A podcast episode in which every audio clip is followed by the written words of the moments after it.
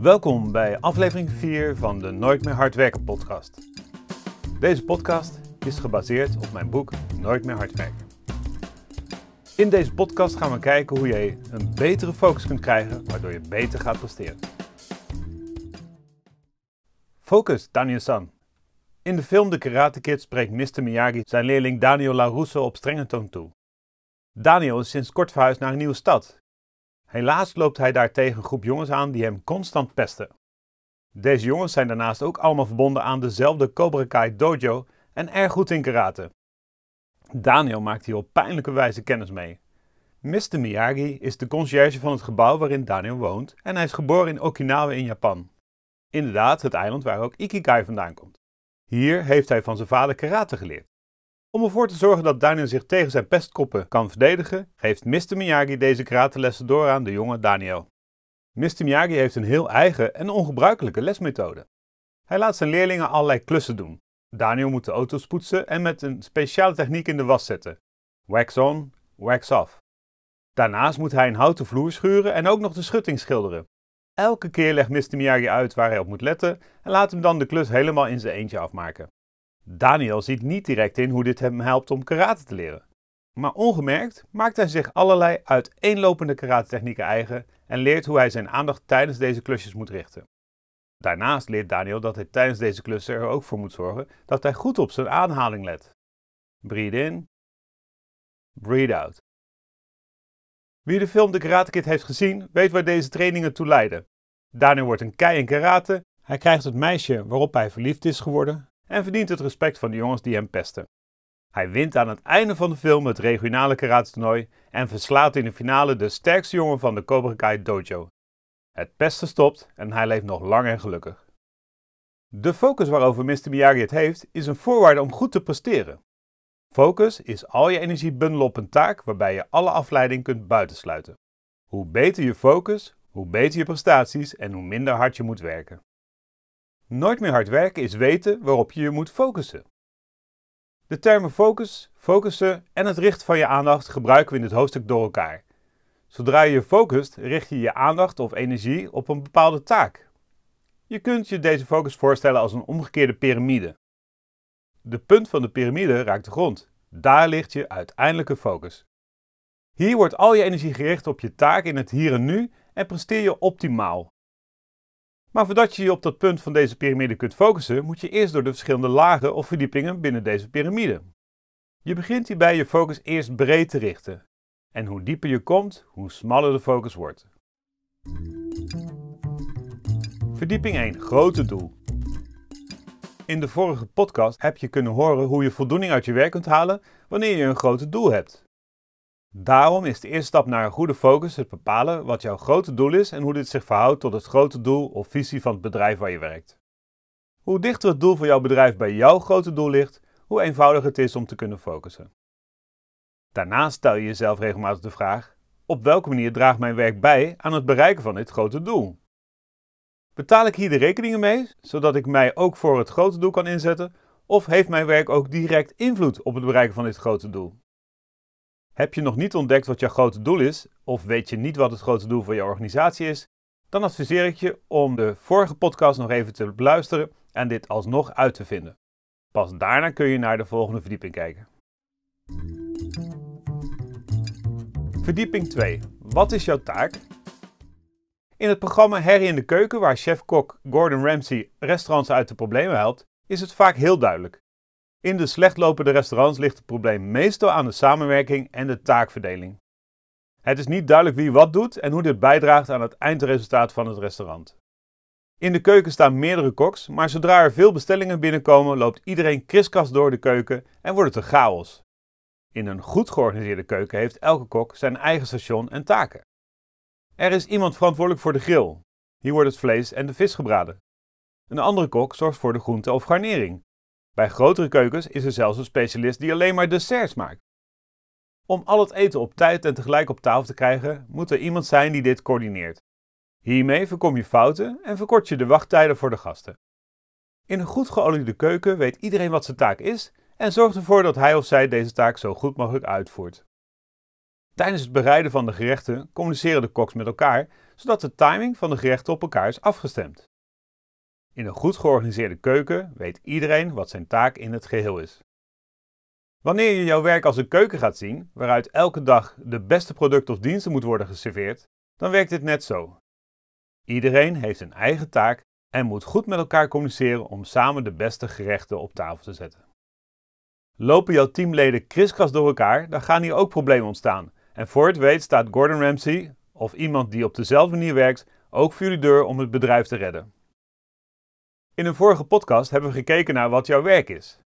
Dit was vooral om ervoor te zorgen dat je jouw functie los kunt koppelen van het resultaat dat je bij de klant behaalt. In deze verdieping bepaal je wat jouw taak is in de keuken van jouw bedrijf om de gewenste resultaten te bereiken. Hoe draagt jouw taak bij aan de doelen die het bedrijf heeft gesteld? Is het voor jou duidelijk wat het resultaat van jouw werk is en hoe dit meehelpt bij het behalen van de doelen? Hoe duidelijker je jouw taak kunt omschrijven, hoe makkelijker het wordt om je op de juiste taken te focussen.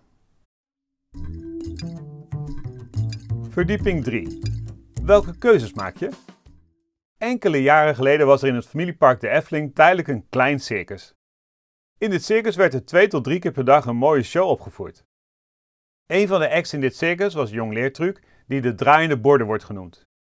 Je ziet deze circus act niet meer zo vaak, maar ik vind het nog steeds mooi om naar de video van deze act te kijken. De artiest laat breekbare eetborden draaiend balanceren op flexibele stokken. Net als je denkt dat het bord gaat vallen, komt de jongleur aangerend om het bord weer op de juiste manier te laten draaien. Blijkbaar is dit niet moeilijk genoeg, want ondertussen probeert hij ook nog zeven lepels in zeven glazen tegelijk te laten landen. Terwijl deze truc meerdere keren mislukt, moet hij steeds weer terugrennen naar de borden om te voorkomen dat deze kapot vallen. Het ziet er in ieder geval hectisch uit. De artiest lijkt zijn best te moeten doen om alle borden op de stokken te laten ronddraaien. Nu weet ik niet hoe moeilijk dit nummer is, maar ik weet wel dat het makkelijker moet zijn wanneer hij zijn aandacht alleen maar op de borden richt. Kiest hij ervoor om een paar stokken en borden minder te gebruiken, dan is het nog eenvoudiger. Zo is het dus ook met focus. Je moet keuzes maken, anders is het lastig om de juiste focus te vinden. Heb je te veel borden in de lucht, dan ren je van de ene plek naar de ander en kom je niet in focus. Maak je geen keuze of kies je voor veel te veel dingen naast elkaar, dan kan dit tot scherven leiden. Wie niet kiest, verliest. In het al eerder genoemde programma Harry in de Keuken kiest chefkok Gordon Ramsay er meestal voor om de menukaart van het slechtlopende restaurant drastisch in te perken. Hij is ervan overtuigd dat je beter enkele recepten erg goed kunt maken dan veel recepten redelijk uitvoeren. Daarnaast heb je ook minder voorraad nodig en spaar je geld uit omdat er minder dingen overblijven die niet goed verkopen. Door het beperken van de menukaart help je niet alleen de mensen in de keuken, maar maak je het voor de gasten ook makkelijker om keuzes te maken. In jouw dagelijks werk moet je ook keuzes maken. Zeker omdat je maar beperkte tijd hebt en deze zo goed als mogelijk wilt gebruiken. De beste time management tip die ik ooit heb gehoord heeft niets te maken met het slim gebruiken van je tijd. De beste tip is dat je moet bepalen welke dingen je niet doet en daarnaast wat de dingen zijn die het meeste effect opleveren. Maak je geen keuzes, dan wordt het moeilijk om goede focus te vinden. Verdieping 4. Je taken indelen in een dagelijkse actielijst. Het doel van focus is om je aandacht op steeds kleinere doelen te richten, met als hoofddoel dat je jouw energie alleen maar richt op de taak die hier en nu voor je ligt. Dit betekent dat je alle taken die je hebt en alle dingen die je moet doen terug moet brengen naar een dagelijkse actielijst. Dit zijn de belangrijkste taken die je deze dag wil uitvoeren om op lange termijn je grote doel te behalen. Om je te helpen hierin keuzes te maken en dit in een dagelijkse actielijst te plaatsen, zijn er verschillende time management systemen. Deze systemen zouden beter tijdskeuzesystemen kunnen heten. Het gaat er niet over hoe je je tijd beter managt, maar vooral hoe je betere keuzes maakt en wat jouw prioriteit heeft. In een andere aflevering van deze podcast vertel ik hier meer over. Verdieping 5. Je aandacht bewust richten op de belangrijkste taak. Heb je jouw actielijst gemaakt en jouw werkdag hierop ingedeeld, dan kun je met de eerstvolgende taak aan de slag. Het is niet interessant om ver vooruit te kijken. Ook wil je niet terugkijken naar wat je allemaal al hebt bereikt. Het afronden van deze eerstvolgende actie is nu het enige dat belangrijk is. Breng hierbij de taak terug naar de kleinste stappen die je moet uitvoeren. Hierdoor wordt het nog duidelijker wat je stap voor stap moet doen. Om je aandacht volledig op de taak te kunnen richten, moet je omgaan met afleidingen zoals social media, e-mail, YouTube-video's en andere activiteiten. Tijdens de coronacrisis werkten veel mensen vanuit huis. Het is erg lastig om je aandacht bij je werk te houden als je bijvoorbeeld jonge kinderen in huis hebt. Zij vragen aandacht terwijl jij moet werken. Het is natuurlijk ook wel raar dat je de hele dag thuis bent in plaats van op je werk. Thuis zijn er veel dingen die je ook nog kunt doen, zoals klussen, de afwas of met je hobby's aan de slag gaan. Toch is de productiviteit vanuit huis zelfs hoger dan op kantoor. Blijkbaar zijn op kantoor zaken die je nog meer kunnen afhouden van je taken dan kinderen dat kunnen doen. Om die reden is het flexibel of hybride werken een trend die we aan deze coronacrisis hebben overgehouden. De werknemers hebben dan de keuze om enkele dagen van de week vanuit huis te werken. Dat scheelt reistijd en levert ook nog betere resultaten op. Wil je toch je aandacht goed kunnen richten, dan moet je dus een plek inrichten waar je ongestoord kunt werken. Hoe beter je jouw aandacht op je taak kunt richten, hoe sneller je de gewenste resultaten kunt halen. Van ik wil naar huis naar beter dan ooit. Om mijn opleiding voor PGA Golf Professional af te ronden, moest ik tijdens wedstrijden laten zien dat ik goed genoeg kon golven. Dit betekende dat ik, net als mijn medestudenten, drie keer een ronde van vier boven de par van de baan moest spelen. Voor niet-golfers, de par is de standaardscore die je als goede speler op een golfbaan moet kunnen halen. Speel je 4 boven deze par, dan hoor je bij de beste 2% van alle golfers. Best een grote uitdaging dus. Om dit mogelijk te maken speelden we in het seizoen dat van maart tot oktober loopt bijna elke week een wedstrijd. Zo speelden we een keer op golfbaan het Rijk van Nijmegen. Dit is een mooie golfbaan die in Groesbeek vlak naast Nijmegen ligt. Op sommige holes van deze baan kun je het glooiende landschap zien liggen. Het is ook een lastige baan. Op die dag ging het niet goed met mijn spel. Na een halve ronde op de Nijmeegse baan had ik veel te veel slagen gemaakt. Omdat de negende hole dicht bij het clubhuis ligt, was ik bijna in de verleiding om op te geven. Ik stap in mijn auto en ga naar huis. Dit heb ik wel even gedacht, maar ik ben toch doorgegaan. Ik kon mijn klasgenoten ook niet in de steek laten. Mijn spel werd echter niet beter. Op de twaalfde van de achttiende holes was ik er helemaal klaar mee. Ik stop ermee, dacht ik weer. Ik ga alsnog naar huis. Al lopende naar de dertiende hole was ik mijn opties aan het overwegen. Doorspelen of naar huis. Het was die dag wel mooi weer en ik realiseerde mij dat ik het toch niet zo slecht voor elkaar had.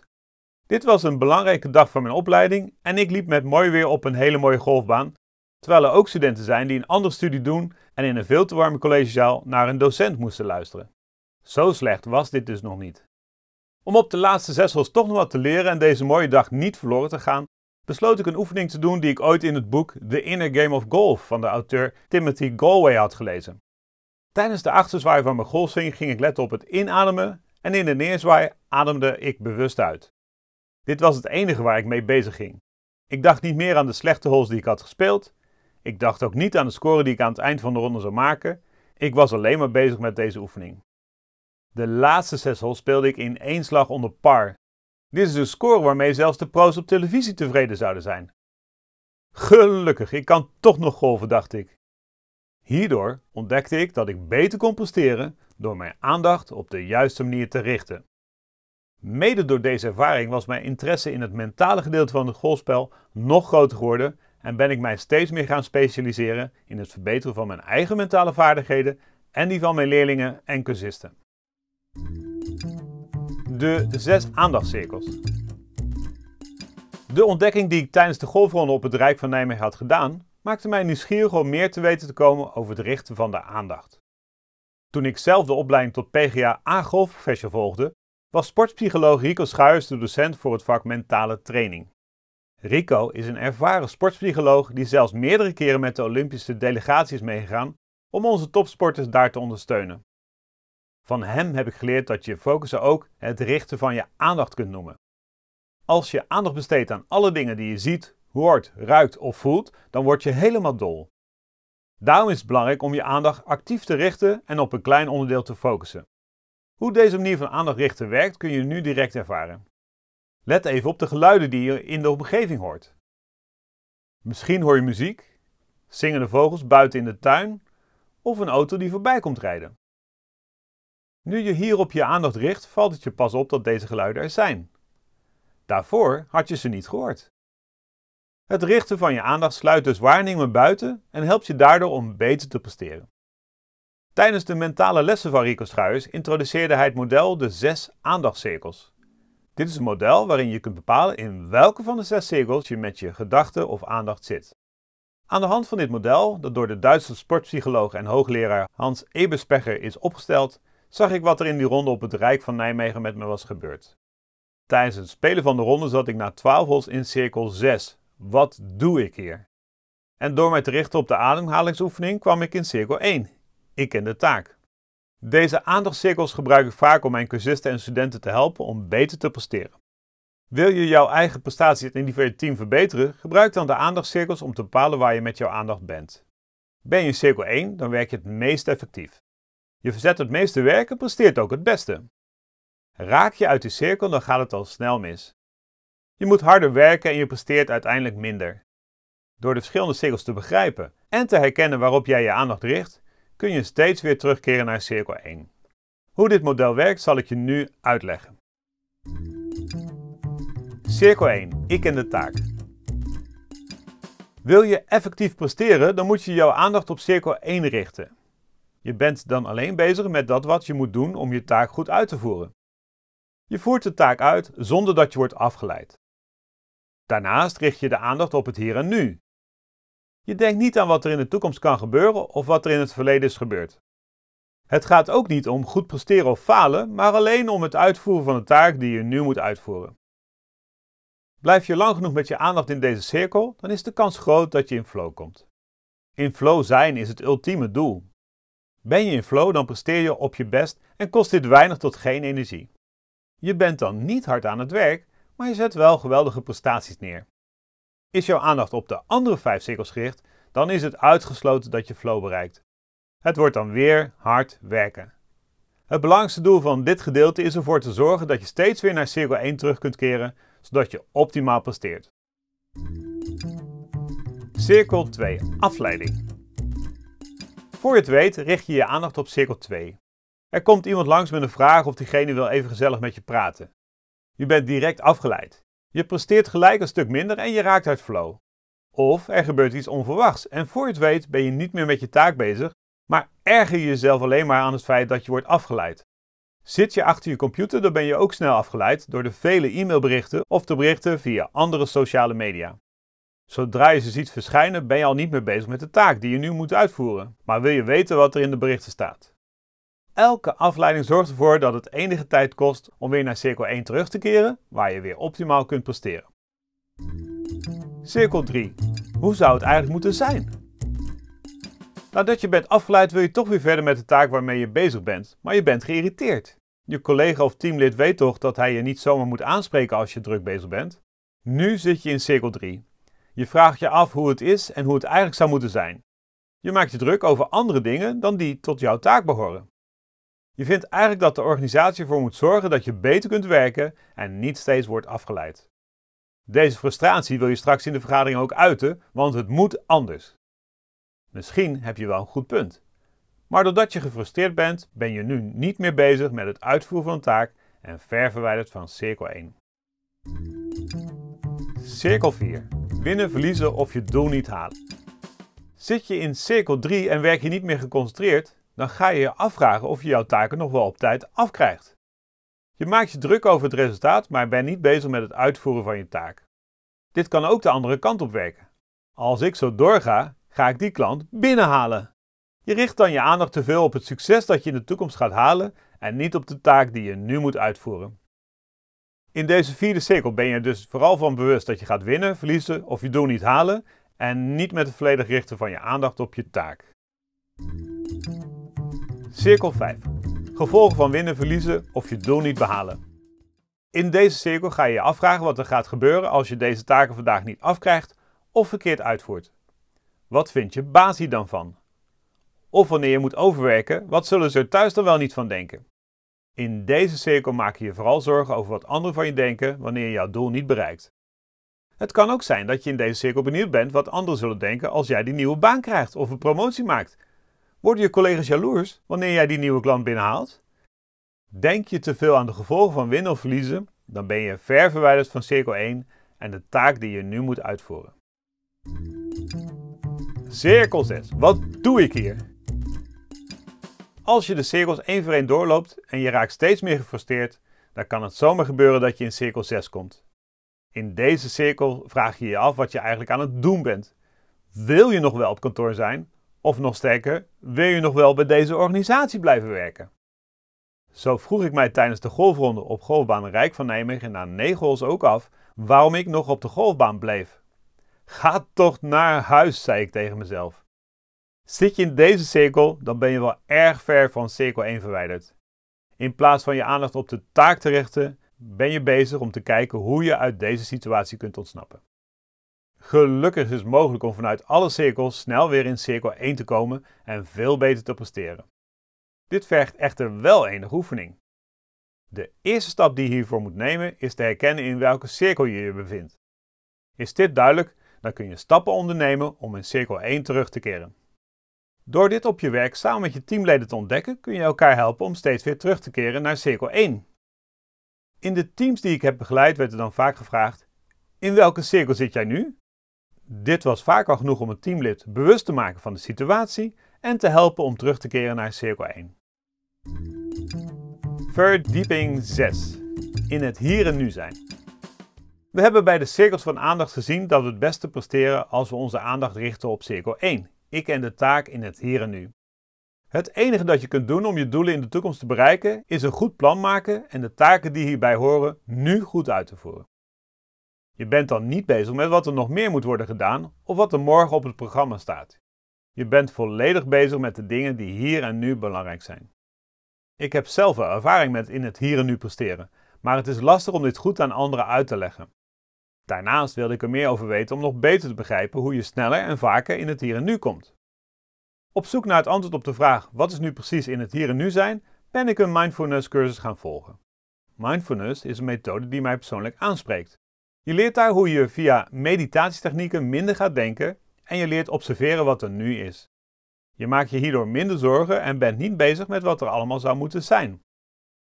Het enige dat belangrijk is, is dat je volledig in het hier en nu bent en ervaart wat er op dit moment is. Je leert bij de mindfulness cursus praktische vaardigheden die je direct kunt toepassen zonder zweverig gedoe. Denken. Het belangrijkste dat ik in de mindfulness cursus heb geleerd is om een onderscheid te maken tussen denken en observeren. De hele dag door komen er allerlei gedachten in jouw hoofd op. Deze gedachten verschijnen als een stemmetje dat de hele dag commentaar geeft op alles wat er om je heen gebeurt. Misschien vraag je je nu af welk stemmetje. Precies, dat stemmetje dat die vraag stelt. Dat stemmetje in je hoofd verwoordt jouw gedachten over de dingen die nu gebeuren, maar ook over de toekomst of over dingen die gebeurd zijn. Als een slechte voetbalcommentator geeft het stemmetje zijn mening en oordeel over alle dingen die je waarneemt. Dit stemmetje vertelt niet altijd de waarheid. Net zoals de commentator er tijdens een voetbalwedstrijd op de televisie wel eens stevig naast zit. Wanneer je te veel denkt, dan maak je je te veel zorgen over dingen die misschien gaan gebeuren. Hou ik mijn baan nog wel? Kan het bedrijf nog wel blijven bestaan? Vindt mijn baas dat ik mijn werk nog wel goed doe? Deze gedachten kunnen je erg van streek maken en voor stress en angst zorgen. Je lichaam reageert ook op deze gedachten. Daarvoor hoeft nog geen van je angsten al werkelijkheid te zijn geworden. Onze hersenen maken geen verschil tussen de dingen die je bedenkt en dingen die werkelijk gebeuren. Denken heeft dus altijd invloed, ook als het negatief is. Het lichaam reageert op denken, ook als het niet gebeurd is of gaat gebeuren. Het nadeel van het luisteren naar het stemmetje en de gedachten die hierbij opkomen, is dat dit veel energie kost en weinig oplevert. Je zit als het ware in je hoofd, verzonken in gedachten, waardoor je waarnemingen worden gekleurd. Je ziet je omgeving, inclusief de mensen om je heen en de resultaten die je haalt, door een beslagen bril. Hierdoor negeer je lichamelijke signalen zoals druk, gejaagd zijn en pijntjes in nek en schouders. Voor je het weet ben je op deze manier onderweg naar een burn-out. Observeren. Ben je in het hier en nu, dan ben je los van negatieve gedachten. Je hoort geen stemmetje dat commentaar geeft op de achtergrond en je haalt je aandacht weg uit je hoofd.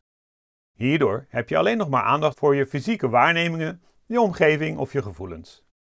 Je kunt dit in je lichaam zitten noemen.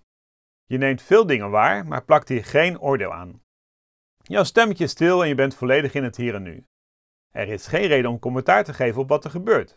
Het is goed zoals het is. Natuurlijk zijn er dingen die je moet doen, regelen of oplossen. Maar wanneer je in het hier en nu bent, parkeer je deze problemen tot je ook echt iets aan kunt veranderen. Om in het hier en nu te komen kun je je aandacht richten op de ruimte waarin je bent. Je zou dit kunnen vergelijken met het uitzicht op zee of staand op een berg met uitzicht op het dal. Als je om je heen kijkt, dan zie je van alles, maar je ervaart het zonder een waardeoordeel. Je bent één met de natuur en laat alle gedachten los. Klinkt eenvoudig, maar dit is tegenwoordig niet onze best getrainde kwaliteit. We zijn veel beter geworden in het denken en verder weggeraakt van het leven in het hier en nu. Gelukkig kunnen we deze manier van de aandacht richten wel sterker maken. Het is een vaardigheid, dus is het richten van de aandacht te trainen. In mindfulness training wordt veel aandacht besteed aan meditatieoefeningen. Eigenlijk is meditatie niets anders dan je aandacht bewust richten, zodat jouw stemmetje even stil wordt en je stopt met denken. Je kunt je aandacht bijvoorbeeld op je ademhaling richten en voelen hoe je buik op en neer gaat tijdens het in- en uitademen. In het begin blijft jouw stemmetje niet lang stil. Het komt al snel terug. Dat is niet erg, want je kunt je aandacht opnieuw bewust op je ademhaling richten. Doe je dit steeds weer opnieuw, dan word je er ook beter in en kost het steeds minder moeite. Bewust je aandacht richten brengt je in het hier en nu en geeft rust. Je gedachten zijn niet op het verleden of het heden gericht, je bent alleen maar bewust van de dingen die er nu zijn. De Chinese beweegkunst Tai Chi en het beoefenen van yoga zijn ook activiteiten met als doel om in het hier en nu te komen. Door bewust te worden van de beweging en de ademhaling, kom je tot rust en is je focus volledig op het hier en nu gericht. Hoe meer je dit oefent, hoe sneller je in het hier en nu komt. Van focus naar flow. Ben je tijdens je werk optimaal gefocust op het uitvoeren van je taken in het hier en nu, cirkel 1, en hou je dit enige tijd vol, dan is de kans groot dat je in flow komt. Flow is een vorm van bewustzijn waarbij je optimaal presteert terwijl het je geen enkele moeite kost. Je gaat helemaal op in je taak en de tijd vliegt voorbij. Je creativiteit is optimaal en je haalt veel voldoening uit je werk en de resultaten die je hiermee produceert. Werken in flow is dé manier om niet hard te werken en in korte tijd veel te presteren. Hierdoor hou je tijd over voor andere leuke dingen en hoef je niet meer hard te werken. Hoe je in flow komt en hoe dit werkt, vertel ik je in de volgende podcast. Wil je meer weten over de trainingen en lezingen die ik geef om jou en je team te helpen om de doelstellingen te halen zonder hard te werken? Neem dan contact met mij op. Of kijk op mijn website www.nooitmeerhardwerken.nl. Graag tot ziens.